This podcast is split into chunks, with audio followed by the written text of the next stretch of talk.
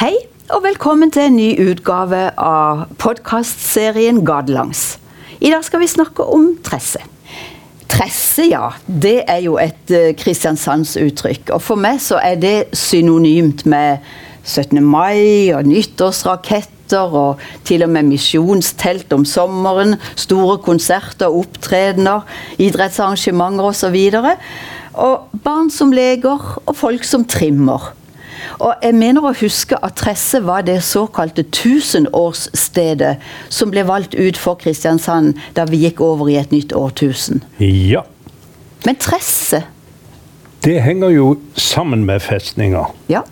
Og nå er jo ikke jeg akkurat jeg ekspert i fransk, men det, det er et fransk militærord. Ja. Retranchement. Wow.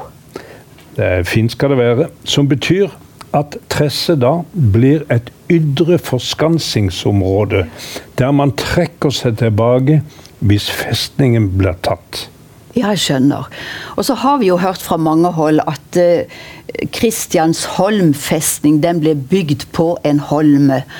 Og for at det skulle være kommunikasjon mellom Tresse, som altså var dette ytre forskansking, forskansking, forskanskingsområdet, og selve festninga, så var det en lang bro som bandt disse sammen. Ja. Det var egentlig altså vann imellom Tresse og selve festninga. Ja, men så ble jo det fylt igjen. Ja visst gjorde han det. Ja. Det gjorde han. Men soldatene skulle altså da, hvis festninga ble tatt, rømme og trekke seg tilbake i sandområdet bak. Nemlig. Og så var det jo en avgrensning også på den andre sida av tresset eller retransjementet.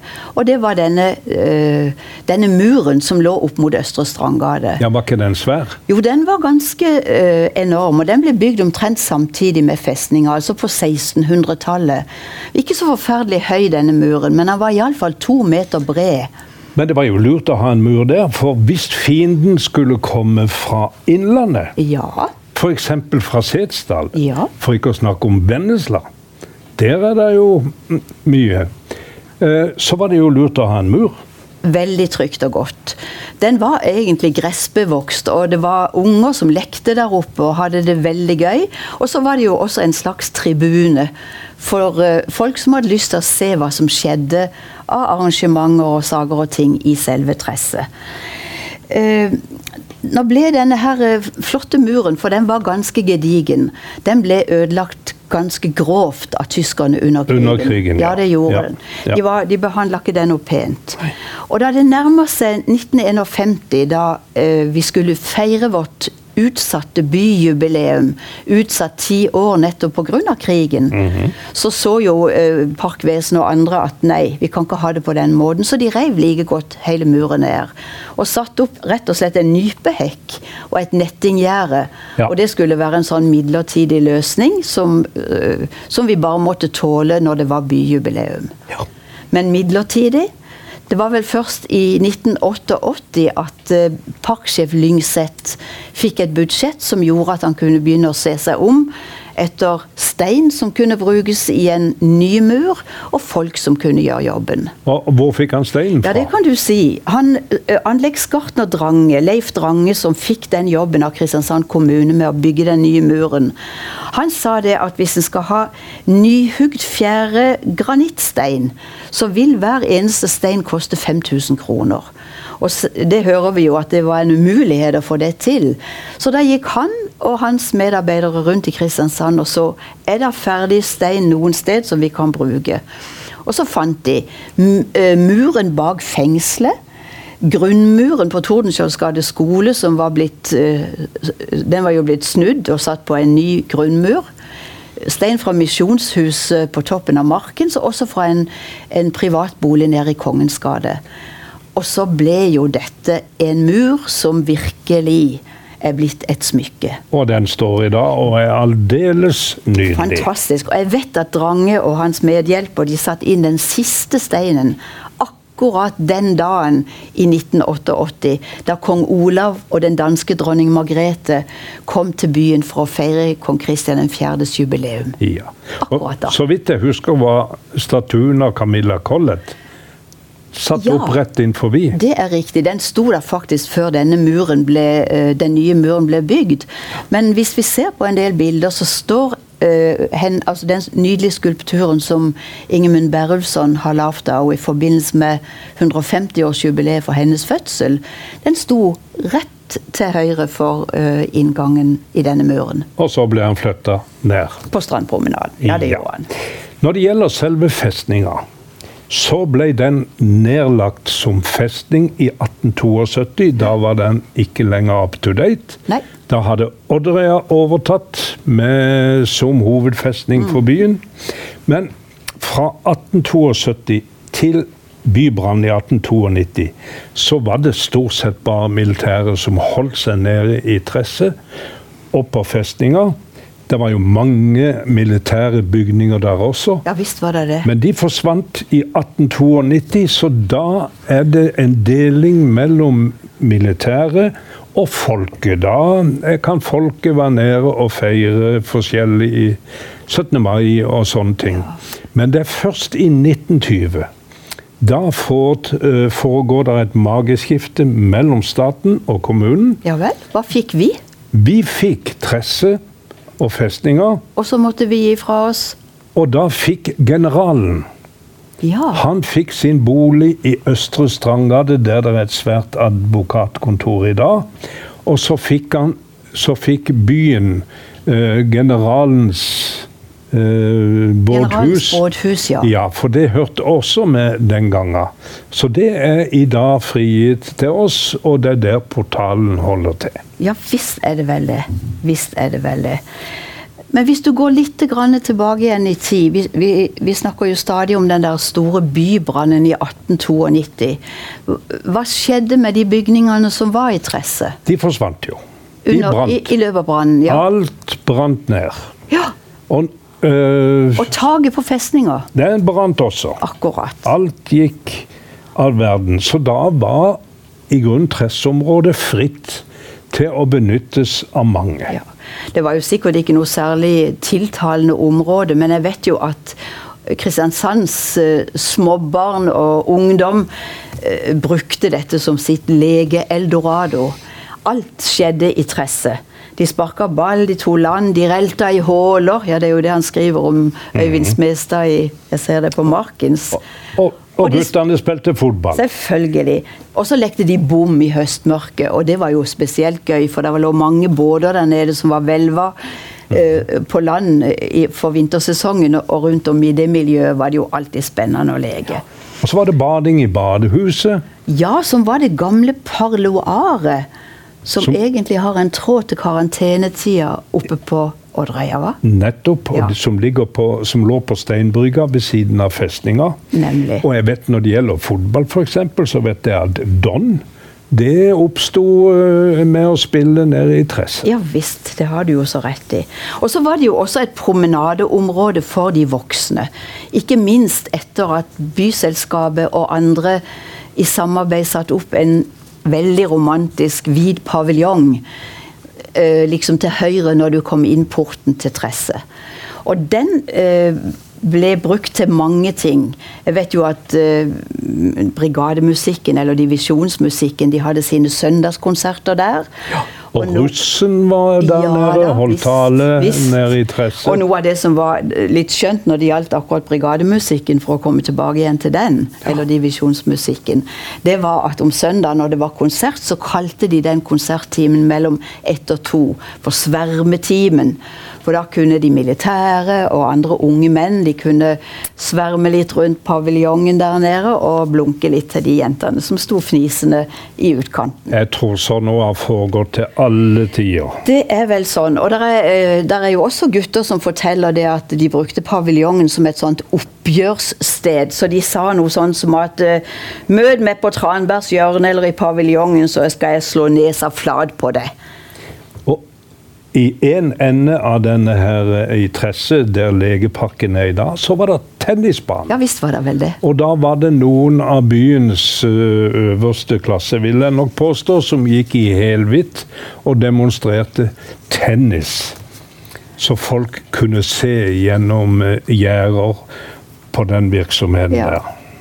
Artig det. Og så var det jo barnehavebarn som brukte det, og skoler brukte også uh, dette miljøet nede i Tresset. På mange måter. Selv da vi var på Kongens Gade skole, så var jo en del av elevene og spilte fotball. Og det fortelles jo om den legendariske major Lyng, som var lærer i gymnastikk oppe på Katedralskolen. som Han bodde i Østre Strandgate. Så han marsjerte sine elever ned uh, i, i, takt til Tresset og satte i gang med en ball eller hva det måtte være. Gikk hjem til sin private bolig og røkte sin sigar og leste avisen. Og når sigaren var røkt ferdig, så gikk han tilbake til elevene og marsjerte de tilbake til, til katedralskolen. Det hadde vel neppe gått i dag, tenker jeg. Nei, det hadde det ikke.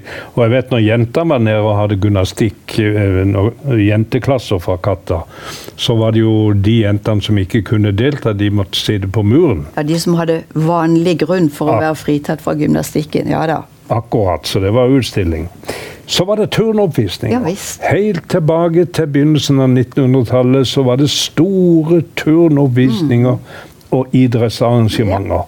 Og det var mottagelser, det var jubileumsfeiringer, 17. mai og nyttår.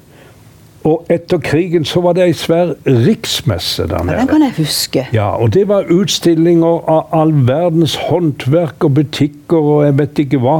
Og det var altså utstillingslokaler helt fra Tresse og helt hen til Marintomta. Ja var fullt av folk. Jeg kan huske det at Fevennen også skulle forsøke å profilere seg akkurat på den riksmessa, og lurte på hva i all verden de kunne gjøre for å skape blest om sin stand. Mm. Og da fikk de tak i en liten figur som de fant på Vestlandet hos en eller annen lokalkunstner.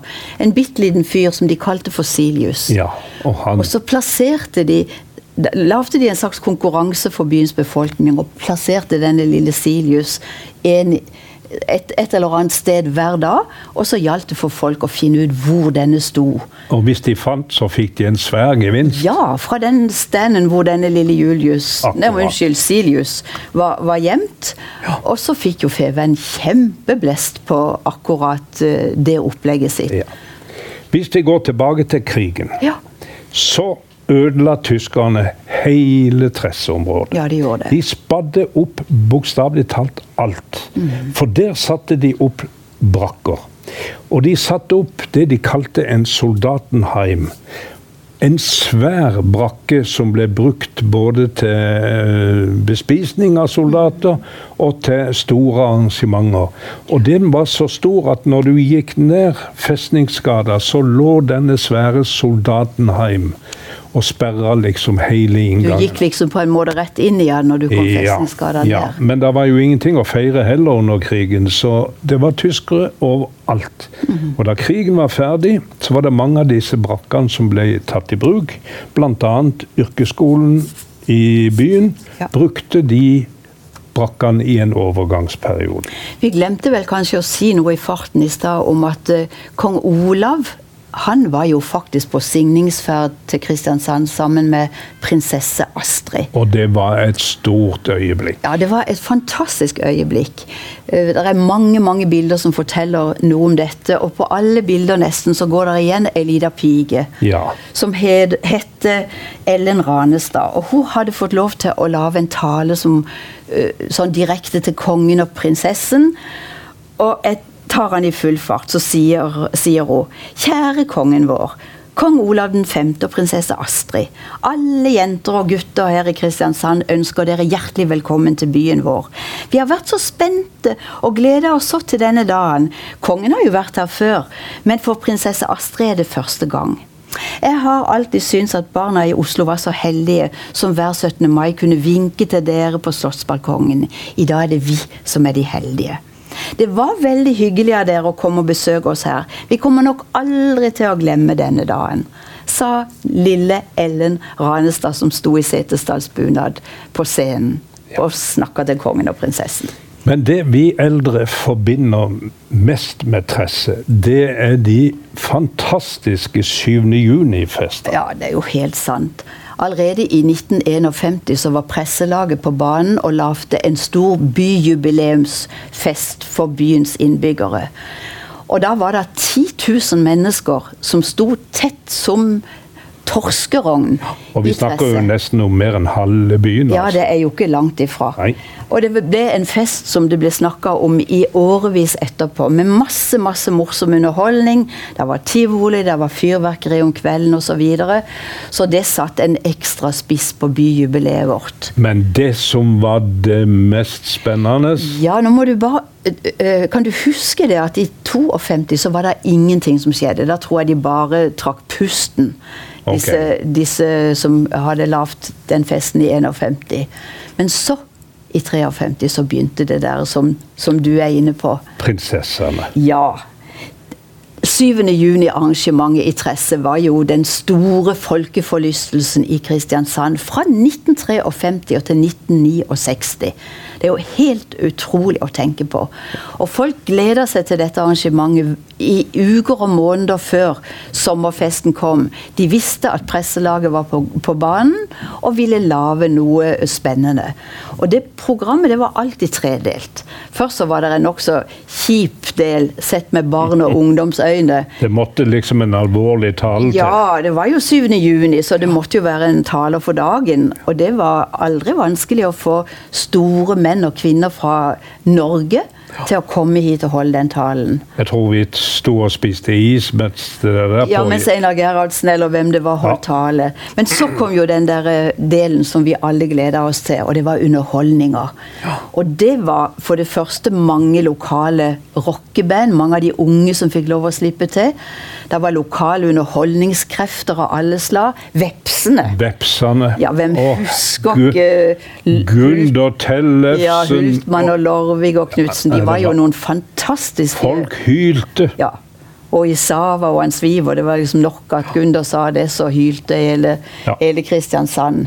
Og så kom det også størrelser fra Oslo.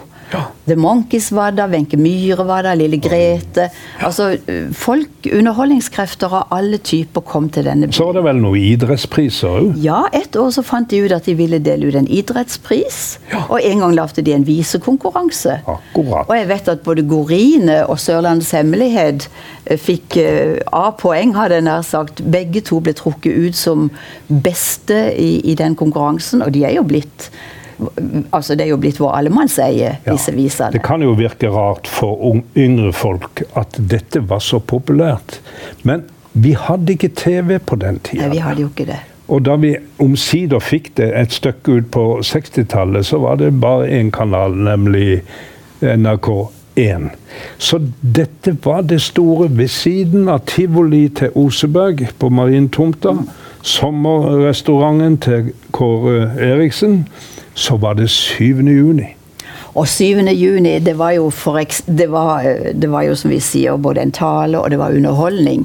Men det store som vi alle venta på, og som var et spenningsmoment for hele byen i lang, lang tid i forkant, det var hvem blir Kristiansands prinsesser? Hvem blir ternene? Enten de fire eller de to som skal følge Kristiansands prinsesser. Så det var hemmelig. Og det var så hemmelig. Men uh, avisene gjorde allikevel det de kunne for å, å forberede oss, ikke sant? Så vi, vi, eh, vi ble liksom varma opp og, og gleda oss veldig, veldig til hvem det kunne være. Eh, både, eh, og mediedekningen var jo, som du sier, den var jo aldeles enorm. Folk funderte, de diskuterte. Det var byens store snakkis.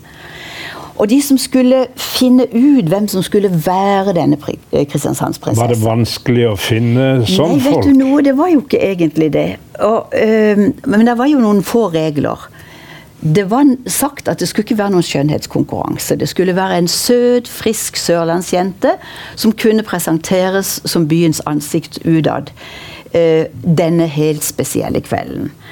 Og komiteen som arbeidet, det, de gjorde et grundig arbeid. De var rundt og kikka litt på byen og på etablissementer rundt forbi. Eh, Folk kunne sende inn bilder av de som de, får, som de kunne tenke å foreslå. Det gikk an å foreslå seg selv, også faktisk ta- sende inn et bilde hvis en syntes en var kvalifisert til akkurat det. Og de var til og med på hjemmebesøk for å finne ut uh, hvem er disse her som vi har fått fotografier av. Hvem kan det bli? Og så, endelig, som det siste punktet på 7. junis arrangementet, så kommer altså Kristiansandsprinsessen enten i Hegelands åpne bil eller med hest og trille, eh, som Benestad sørga for å få på plass. Ja. Sammen med sine terner. Og så holdt folk pusten, og så ble altså denne nydelige unge dama presentert fra scenen. Ofte av Ukas eller Olav Varen, som var en av presselagets viktigste uh, personer, i alle fall. Og når det gjaldt akkurat det der, der med å uh, nedsette en komité, så har jeg hørt sagt fra mange hold at eh, komitémedlemmene var det aldri vanskelig å skaffe. Iallfall ikke når det gjaldt de mannlige.